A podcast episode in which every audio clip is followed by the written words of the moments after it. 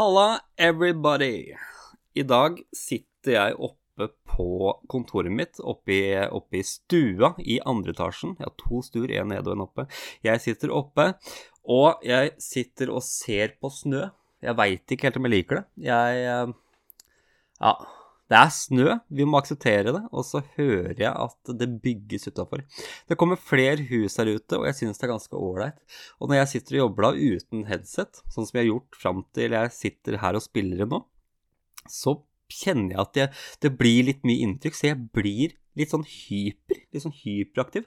Eh, Og ikke bare det at jeg blir hyperaktiv, jeg mister litt konsentrasjonen, så nå er det innspilling. Kanskje dere hører lyd av byggmaskiner utafor som dumper et eller annet ut. Men sånn er det. Jeg får ikke styrt de, og de må nesten få gjøre jobben sin. Men vi, vi skal ha det hyggelig. Og vi skal snakke om hyperaktivitet, rart nok, siden det er det jeg, jeg, jeg føler på her nå. Jeg satte på headsetet sånn at ikke jeg skal bli så forstyrra fra ting utenfra. Og så er vi klare. Velkommen til Klart du kan.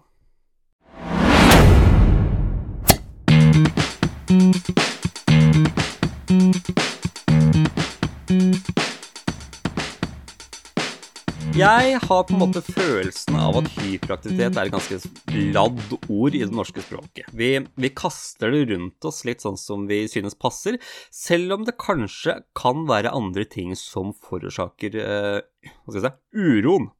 Jeg har gjennom nesten 15 år i jobb med barn og ungdom hørt om hypre barn når jeg egentlig jeg, har sett mangel på rammer og føringer. Og det er sånn som skjer med alle uansett, om det er i barnebursdag, eller om det er på SFO, skole, barnehage. Når rammen glepper, noe som for øvrig er fryktelig enkelt å gleppe, så blir det ofte mer hyperaktivitet utad også, spesielt hvis barn er slitne. Men dette, her, dette blir veldig generelt. Vi skal ikke snakke om akkurat den typen hyperaktivitet nå. Det kan vi gjøre seinere hvis dere har lyst til det, men nå skal vi inn på hyperaktivitet hos oss som har ADHD. For jeg har jo ADHD, og jeg brenner virkelig for det. Det er det jeg driver med gjennom ADHD-hodet på Instagram og adhdhode.no. I Nei, men først Vi må ta en ting først. Det må vi gjøre. Hva er hyperaktivitet? Ok? I lærebøker så står det at hyperaktiviteten den kan være motorisk og verbal. Og det betyr at hyperaktivitet den, den synes og den høres. Det er rett og slett det det betyr. Men det at eh, den er verbal, betyr også at det, at det skjer ting inni hodet. Og det her er sånne ting vi skal komme tilbake til bare litt senere. ok? Noe annet som også står, er at mange med ADHD har utfordringer med å tilpasse aktivitetsnivået slik at den samsvarer med situasjonen den med ADHD står i. Ok, Det blir veldig teknisk. Vi skal ikke ha så mye teknisk her nå. Jeg skal snakke om det, men jeg skal forklare det på en litt annen måte, sånn at det blir noe enklere å forstå. Men det, det siste der, da. Det siste er nok det aller viktigste å forstå. For bruk noen få sekunder for deg sjøl nå, ok? Hvordan er du å være på konsert med? Bruk noen sekunder. Er du på den samme måten på konsert når du er i bryllup eller begravelse? Tenk litt på den. Nei, jeg håper du kommer fram til nei. For du tilpasser, ikke sant? Alle tilpasser seg til en viss grad hele tida, sånn at aktivitetsnivået samsvarer med situasjonen vi er i. Du er ikke på festival når du er i begravelse. Det er, det er jo ikke greit. Og den tilpassinga her, da, det er en av de utfordringene eh, vi med ADHD har. Og en måte å tenke på hyperaktivitet som jeg synes er ganske så fin, det er å dele den inn i indre og ytre hyperaktivitet. Men vi er også nødt til å se på energinivåer. For min erfaring fra meg selv og i annen arbeid med folk med ADHD, om det er voksne eller barn, det er at energinivå og aktivitet det henger liksom veldig godt sammen. Da. Så gjennom åra har jeg hørt mange versjoner av denne påstanden her. Klarer du det? Jeg skulle så gjerne hatt den energien din. Ok, ok. Det er ikke vondt ment, og jeg tar det ikke ille opp men jeg har, jeg har, tenkt litt på det, for det blir liksom litt, uh, litt feil. Så bli med nå og begynn å se på energi som to ting. Positiv og negativ energi. Skal vi snakke om det positive først? Positiv energi er den vi får gjennom klassiske positive ting som nok søvn, fysisk aktivitet, godt kosthold og hobbyer. Ting som gir oss glede i hverdagen, gir oss litt mer, mer energi. Dette er den energien vi bruker av i utfordrende situasjoner, og samtidig som denne positive, behagelige energien går over, så vil den negative energien den vil bygge seg liksom gradvis, men stødig oppover. da. Litt sånn som eh, gass og clutch. Den ene går ned, den andre går opp. Sånn er det bare. Helt til den til slutt vil ta over. For vi vil gå tom for den positive energien hvis vi ikke får påfyll, selvfølgelig. Og den negative energien, den føles veldig ubehagelig. Min erfaring da, fra meg er at jeg kan føle på dette ubehagelige på veldig forskjellige måter. Noen ganger kan det være en slags kribling som kan gi meg en trang til å måtte bevege meg, at jeg må sitte Altså et grunnen til at jeg sitter litt urolig på stolen, eller at jeg rister på beinet, noen ganger så flikker jeg med penn, ikke sant. Alle de små tingene der. Det er, sånn, på grunn av den der ubehagelige følelsen av den negative energien. Og noen ganger så har jeg også behov for å endre stilling ordentlig da, på flere ganger på kort tid. Og I andre tilfeller så har jeg behov for å røre meg mer, altså ut og gå og løpe, bevege meg masse, danse litt, hoppe litt. Uh, og da jeg har tatt eksamen tidligere, f.eks., så har jeg tatt, tatt eksamen i stående. Jeg har lest til eksamen mens jeg har gått fram og tilbake uh, på, på, stua nede. Men det er sånne ting som har gjort at jeg klarer å komme gjennom det, for at jeg, jeg, jeg må bruke meg for at ting skal, ting, ting, ting skal gå. Men husk, da sånn som jeg nevnte tidligere også, at det her det er min opplevelse av min ADHD. Og din opplevelse, den, den kan være en helt annen. For vi er forskjellige mennesker. Vi har forskjellige behov. Vi har forskjellige funksjoner Altså ikke forskjellige funksjoner, men hjernen min fungerer litt annerledes enn det, det hjernen din gjør. Og så har vi forskjellige bagasjer, emosjonelle bagasjer med oss ut ifra hva vi har opplevd, og hvordan vi har blitt oppdratt, hvordan venner vi har. Alt dette lager den eh, e-, emosjonelle bagasjen som vi har med oss. Så din opplevelse kan være en annen enn min. Nå blei denne her beskrivelsen så tett forbundet med, med sånn typiske hyperaktiviteten, den ytre hyperaktiviteten som vi kan se den der typiske gutten i klasserommet som kaster ting, eller som løper rundt, ikke sant. Og som jeg sa på starten, eh, så er hyperaktivitet også noe som fungerer på innsiden. Fungerer, ja, på innsiden. Mange forbinder den indre hyperaktiviteten med at det er med det mange av oss for, eh, kaller for tankekjør, eller tankespinn. Men så er det liksom ikke helt der vi kan starte heller, fordi vi med ADHD har også vår helt egen oppfattelse av og, og forklaring på at hjernevirksomheten, altså tankene og følelsene og sånt, den går altfor fort.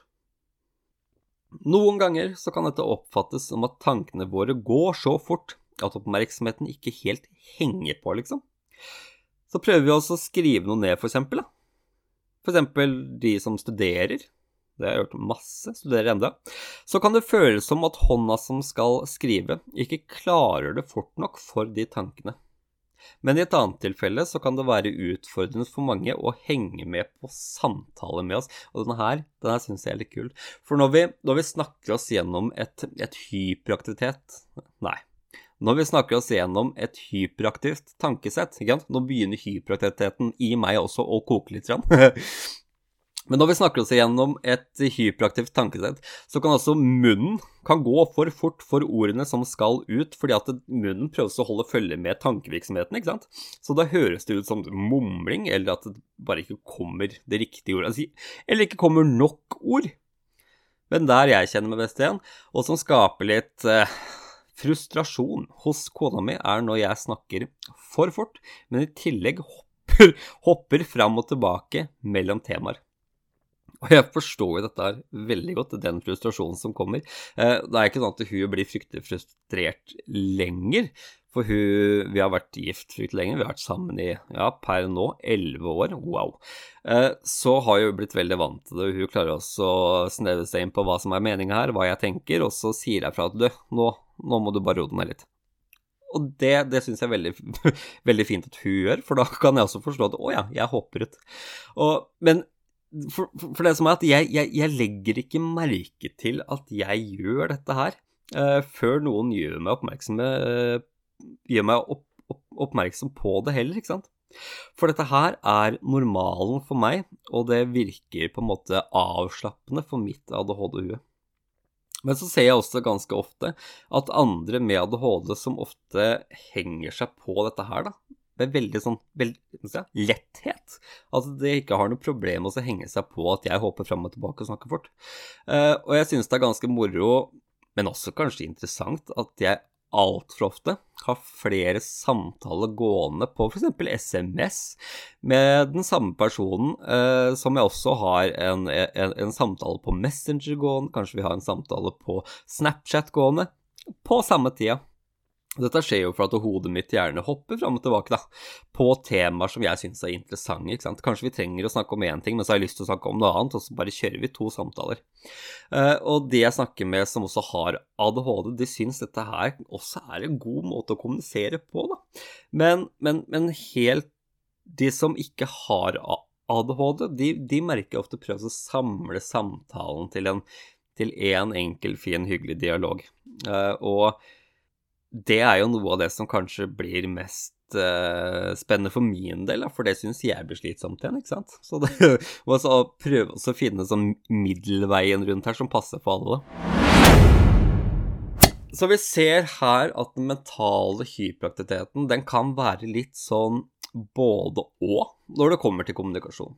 Jeg synes jo det er enklere å holde forskjellige samtaler med samme person adskilt. Derfor bruker jeg ofte Messenger til e-ting, SMS-appen, husker ikke hva den heter, SMS-appen, eh, til en annen samtale, ikke sant, sånn at jeg har litt skille på hva som er hva, hvor jeg hvor.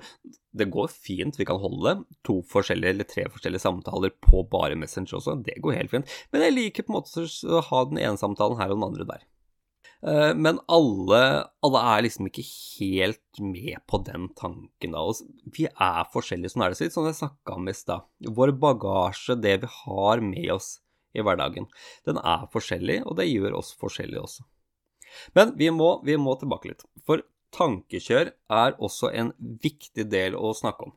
Eh, for har du noen gang følt på at du blir helt overøst av tanker? Det kan føles litt som en million hester galopperer hit og dit, fram og tilbake, i alle retninger. Og ingen av de hestene der er liksom litt tamme engang. Jeg hadde en samtale en gang med en som beskrev tankekjøret sitt eller den mentale hyperaktiviteten, som en hjerne med Ferrari-motor og dårlige sykkelbremser. ikke sant? Og se for deg å sette deg inn i en Ferrari, en ordentlig diger Ferrari som går kjempefort, bare du ser på gasspedalen. ikke sant? Og så skal du bremse ned. Det funker ikke, for at du har fryktelig dårlige sykkelbremser på de hjula. Og det funker jo ikke. Og jeg syns det var en litt artig forklaring. Sik sikkert mye for at jeg kunne relatere godt til det, men altså det, det, skaper så godt bilde av hva som faktisk skjer, da. For tankekjør, det oppleves som slitsomt, og det er jo det. Dette er jo tanker av veldig forskjellig karakter. Og litt som jeg nevnte i stad, med hvordan vi kan hoppe veldig fram og tilbake på temaer som kan virke veldig mye for de rundt oss så gjør hjernen vår dette. Altså det å hoppe fram og tilbake mellom temaer, det er det hjernen gjør med oss også, når modus tankekjør bare puff, Halla, tankekjør her, hvem er du? Når det kommer og setter i gang, så kommer spørsmålet. Går det an å styre dette virvaret av tanker som spretter av gårde? Jo da, til en viss grad, det gjør det. Men kanskje ikke i en sånn grad at vi kan bruke, bruke det effektivt i det daglige. En annen ting om tankekjør er at den ofte styres av den mest negative i deg på det aktuelle tidspunktet. Ok? Det vil si at hjernen vår er til dels styrt, altså den innstilles fra biologiens side, fra hvordan vi trengte å overleve farer for tusenvis av år siden, ikke sant? når vi bodde på savannen før vi slo oss ned og begynte å, å gro vår egen mat, så var det veldig viktig at vi var litt sånn negativt orientert. At vi, vi hadde en tanke om at nå kan det komme noe her og spise meg. Jeg hørte en lyd. Vil den drepe meg, eller vil den ikke? Og dette her gjør jo også at vi ofte styres av det negative i oss selv, spesielt når tankekjøret kommer. Det er veldig mange av oss som får en type angstreaksjon eh, over av å ha vært i en samtale og kanskje har følelsen at 'Å nei, ble dette feil? Kom dette ut litt for fort? Hva føler den andre om meg nå, egentlig?' Og så vil tankekjøret ta over hele den prosessen der og bare 'Ha-ha, nå skal du gruble på dette her for alltid'. Så la oss si at du har en dårlig dag, da. Eller kanskje med en dårlig uke. Kanskje med, kanskje til og med en dårlig uke. Hvor Negative tanker de dukker opp, og det blir flere og flere, helt til tankekjøret er et faktum. Da vil brodelen, altså størstedelen av tankekjøret, det vil dreie seg om dine usikkerheter og andre negative sider du selv føler på. Og det er liksom det viktige her, da, at det er din, din opplevelse av det som er rådende for, for tankekjøret, de negative tankene, de bryr seg veldig lite om hva andre sier eller mener. Den lager sin egen forklaring på hva som har skjedd, ikke sant, og gir den til deg på sølvskje, noe som er fryktelig dårlig gjort. For det er, det er altså de, din opplevelse her som er rådende, og ikke hva som faktisk er korrekt. Og da vil jo disse tankene være med på å endre din virkelighet dersom du ikke tar grep men så har vi jo den andre siden. Altså, vi, vi har den. Noe mer sjeldent. Men det positive tankekjøret.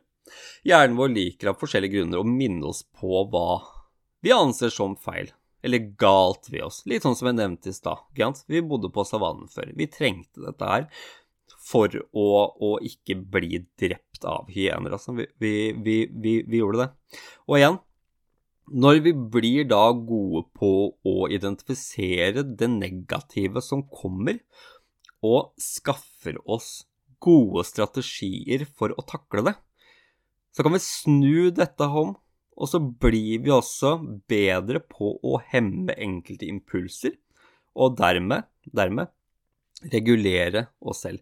For når vi snakker regulering, vi skal snakke masse om regulering, det har jeg en følelse på, kommer alltid tilbake til regulering. Når vi snakker om regulering, så er det tankene våre og følelsene våre vi regulerer. For det er tankene og følelsene som blir til handling, altså utagering, inagering, hva enn du tenker på. Og det vi, det, det vi sitter igjen med da, det er at de negative tankene, de, de får liksom ikke ta helt over. De kan ligge der og ulme litt, men de får ikke lov til å ta over fordi at vi klarer å frembringe det positive i oss. Og da da kan vi enten fortsette dagen, eller snu denne indre hyperaktiviteten om til hyperfokus. Og da jeg skulle lage den episoden her, så, så har jeg skrevet stikkord. Jeg har skrevet noen ting som jeg trenger å komme innom. Og så tenkte jeg på, på hyperfokus. Skal jeg ta det med eller ikke? Og så kom jeg på at jo, jeg, jeg, må det. Hyperfokus det er veldig, veldig mye. Det er veldig stort og det er veldig bredt. Det er mange funksjoner som er med eh, i det vi kaller hyperfokus. Og hyperaktiviteten, det er, det er en veldig stor del av det, så det måtte bare med. For jeg synes da at det er veldig viktig da, å nevne det i den konteksten her. Det viktige med hyperfokus, det er at vi med trening At vi kan, vi kan, vi kan gjøre om denne hyperaktiviteten til kreativitet. Og hyperfokuset, det er da med på å, å, å booste den kreative siden vår. Så slenger vi på litt eh, dårlig tid, eller at det vi driver med er nytt for oss, ikke sant da kan vi holde det gående fryktelig lenge. For da kommer også motivasjonen og tar oss. Det blir litt som å, litt som å sprøyte dopamin inn i hyperfokuset, og da, da, da, da, er det plutselig fryktelig, fryktelig vanskelig å stoppe. Ok? Så spørsmål til deg, litt sånn tenk sjøl. Har du hatt noen sånne opplevelser selv? Tenk, tenk to sekunder. så skal jeg fortelle om et par av mine. Ok? To sekunder. Det blir litt mer, men nå er to sekundene dine ferdig. Er du klar?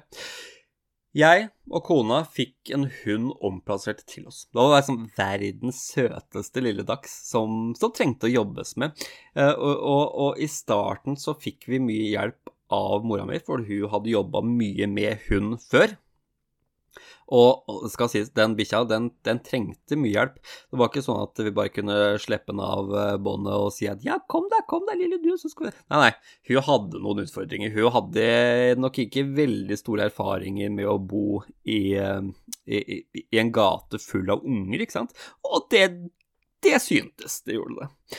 Men etter hvert som vi begynte å trene, begynte å forstå mer, jeg fikk hjelp av mora mi til denne treninga, så blei ADHD-et mitt Det blei altså så hekta på hund og hundetrening at jeg, jeg begynte å lese bøker, jeg gikk på kurs.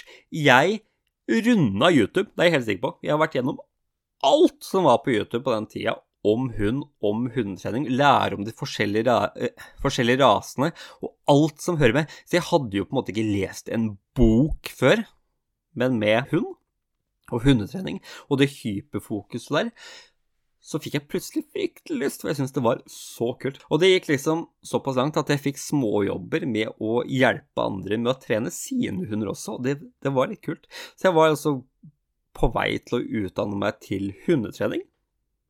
Til hundetrening, til hundetrener. Og litt morsomme her, da, at jeg er jo egentlig ganske allergisk mot hund.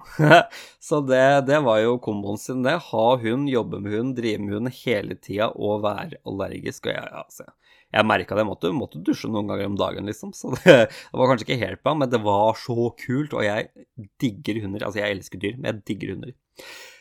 Så etter noen få år så hadde vi da to godt trente hunder, en dachs og en borbol. Og Første barnet var på vei. Og etter hvert viste det seg at ungen var allergisk, men vi kunne liksom ikke bare adoptere bort han, ikke sant? Eh, så hundene måtte flytte da.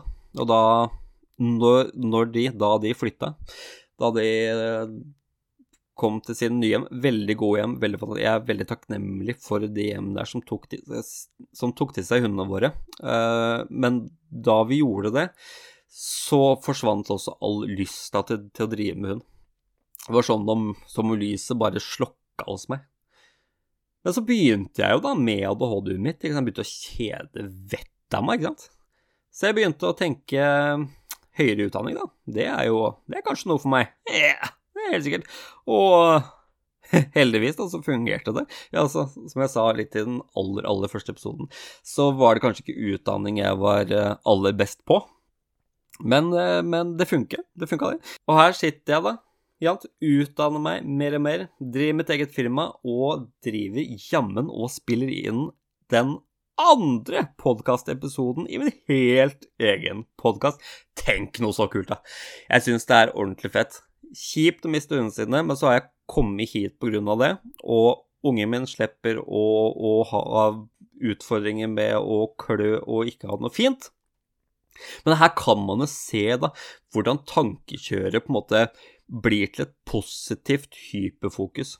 For det var jo på en måte grunnen til at hyperfokuset kom. Det var jo tankekjøret på at jeg har satt bort hundene mine, at jeg har gitt bort hundene mine til, til noen, andre. Mine hunder. Og så gjorde jeg om det da til et hyperfokus.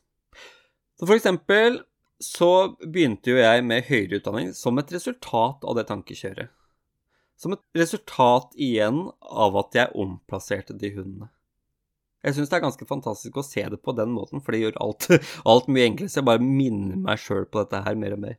Men igjen så utvikla dette til uh, hypokse, som, som gjør at jeg er her i dag. Og jeg er egentlig takknemlig for det også. Men hva kan vi gjøre med denne hyperaktiviteten her, da? Hva kan vi gjøre med den? Og nå er det jo ikke fryktelig mye vi egentlig kan gjøre med den, for vi, vi har den. Vi har ADHD, sånn er det bare. Og hyperaktivitet, det er en del av pakka. Sånn er det bare. Så vi kan akseptere det. Vi skal gå inn litt mer på hva vi skal gjøre for noe. Men vi kan, vi kan lindre, det er det vi kan gjøre. Og her kommer noen enkle tips til hvordan vi enklere kan leve med hyperaktiviteten i oss. For det aller første, sånn som jeg nevnte for tre sekunder siden, det var at vi må Vi er helt nødt til å akseptere at det er sånn det er. For ingenting kommer til å bli noe enklere hvis vi ikke aksepterer fakta først. Og det er det der, det er fakta. Vi har ADHD. Vi har hyperaktivitet i oss. Sånn er det bare. Vi må akseptere fakta. Det var én. Nummer to Gi deg selv, eller den med ADHD rundt deg, da, litt pauser innimellom. En god pause for regulering. Det har vært mye mer enn all verdens mas. Og så er det viktig å tenke på pause for regulering. Hva vil det si? På skolen så kan ikke du sende ut et barn eh, for å ta pause ute i gangen uten å, å hjelpe til med å vise fram hva det vil si, da. For hvis du sender et barn altså Når jeg ble sendt ut på, på gangen, det var faktisk ikke så ofte det skjedde, men det skjedde. Så var det ikke noe sånn at du ta så prøv dette her her ute, sånn at du faktisk klarer å sitte Jeg ser at du har utfordringer med at du ikke klarer å sitte i ro akkurat nå. Prøv dette, ikke sant? Nei da. Nei da. Jeg ble satt på gangen. Ok, satt der, da. Tittet på telefonen, tok meg en snus. Jeg begynte tidlig å snuse, dessverre. Og jeg brukte ikke den tida til noe aktivt eller noe ålreit for mitt eget hode i det hele tatt. Jeg satt og dassa. Så det er en god pause for regulering er nøkkelen, og vi må lære spesielt barna og ungdommene hva det vil si, hva de kan gjøre for å komme videre i den situasjonen. Og det er verdt mer enn all verdens mas. Ok, nummer tre. Få ut den overflødige negative energien. Enkel fysisk aktivitet. Og her skal vi snakke litt sammen. Fordi at når man tenker på, i hvert fall jeg da, tidligere, når jeg, når, jeg, når jeg, hørte fysisk aktivitet, så tenkte jeg ah, sliten, må på treningsstudio, løfte vekter, ut og løpe masse og holde på og holde på. Nei, nei. Du vil selvfølgelig få noe mer effekt av å faktisk dra opp pumpejern eller å løpe en skikkelig hard tur. Vi kommer ikke unna det, sånn er det bare. Men det er ikke alle som er der. Det er ikke alle som er der at det motiveres av det, eller at man har lyst til det, eller at man har fysikken til det i det hele tatt, å bare dra bort og pumpe, pumpe, pumpe hver dag. Nei, nei. Sånn er ikke folk flest. Men det man kan gjøre, da, det er det at man kan gå en tur. Noe så enkelt som å bare gå en tur. Hæ, tenk det. Det er helt rått. Og når jeg snakker om å gå tur, så er det noen ting som er litt viktig å tenke på. For at hjernen vår, den er lagd litt sånn at den har lyst til å senke eh, tempoet til en, en, en, hastighet hvor den klarer å Som den klarer da, å holde over lengst tid, over lengst strekning. Sånn fungerer hjernen vår, for det her er noe vi har trengt for å overleve for mange tusen år siden. Nok en gang en sånn type ting. Så det som er litt viktig å tenke på, ha en liten påminner i bakhuet, bli litt, litt flinkere Man får Altså, jeg har turer der hvor jeg glemmer å tenke på dette her, men tenk litt på det, vær bevisst på det. La huet uh, få vite dette her, i hvert fall når du går ut for å, å ta deg en tur. At du øker tempoet lite grann. Ikke la hodet få lov til å justere deg ned til det behagelige tempoet du kan holde fryktelig lenge, men øk tempoet litt. La deg kjenne at du blir litt svett, kanskje klam. La deg kjenne på at du får litt puls, litt pust. Trenger ikke være mye. Alt, alt hjelper, for da frigjøres det så sinnssykt mange godsaker i hjernen som øker oppmerksomhet og motivasjon og alle de fine tingene vi trenger. Ok, det var nummer tre. Fire. Pass på å ikke være konstant overstimulert. Og overstimuli, det handler om da at du får så mye input at hjernen ikke klarer å prosessere det fryktelig godt, sånn at det, det bare koker og koker og koker uten at du får noe ut av det av, av den informasjonen som kommer inn. Da kan du bli overstimulert, det er ikke noe godt. Det kan være en stor faktor til hyperaktivitet hos oss mennesker. Ok, Du, nå har vi sittet og snakka en stund. Jeg har holdt på ja, en god halvtime i hvert fall. Uh, og det har på en måte vært en, en, en, liten innføring i hyperaktivitet. Noen viktige ting å tenke på når vi snakker om hyperaktivitet, spesielt hos oss med ADHD. Dette gjelder også for andre. Det er ikke bare folk med ADHD som er hyperaktive. Men vi kjenner på dette her hver dag gjennom hele livet, men du som ikke har ADHD eller autisme eller noen annen uh, ja, De liker å kalle det for funksjonsnedsettelse, jeg er ikke så glad i det, altså. Men for dere som ikke har dette her, så vil dette her kunne gagne dere også, og barna deres og alle rundt dere. Så ta det med dere, OK? Husk å sjekke nettsida mi, klartdukanpodkast.no. Ta en titt på det som skjer der. Ta en titt på medlemssiden. Ta en titt på de ressursene jeg legger ut. Ok? Og ha en sinnssykt fin dag. Jeg heier på deg. Håper du heier på meg også. vi, vi, vi snakkes.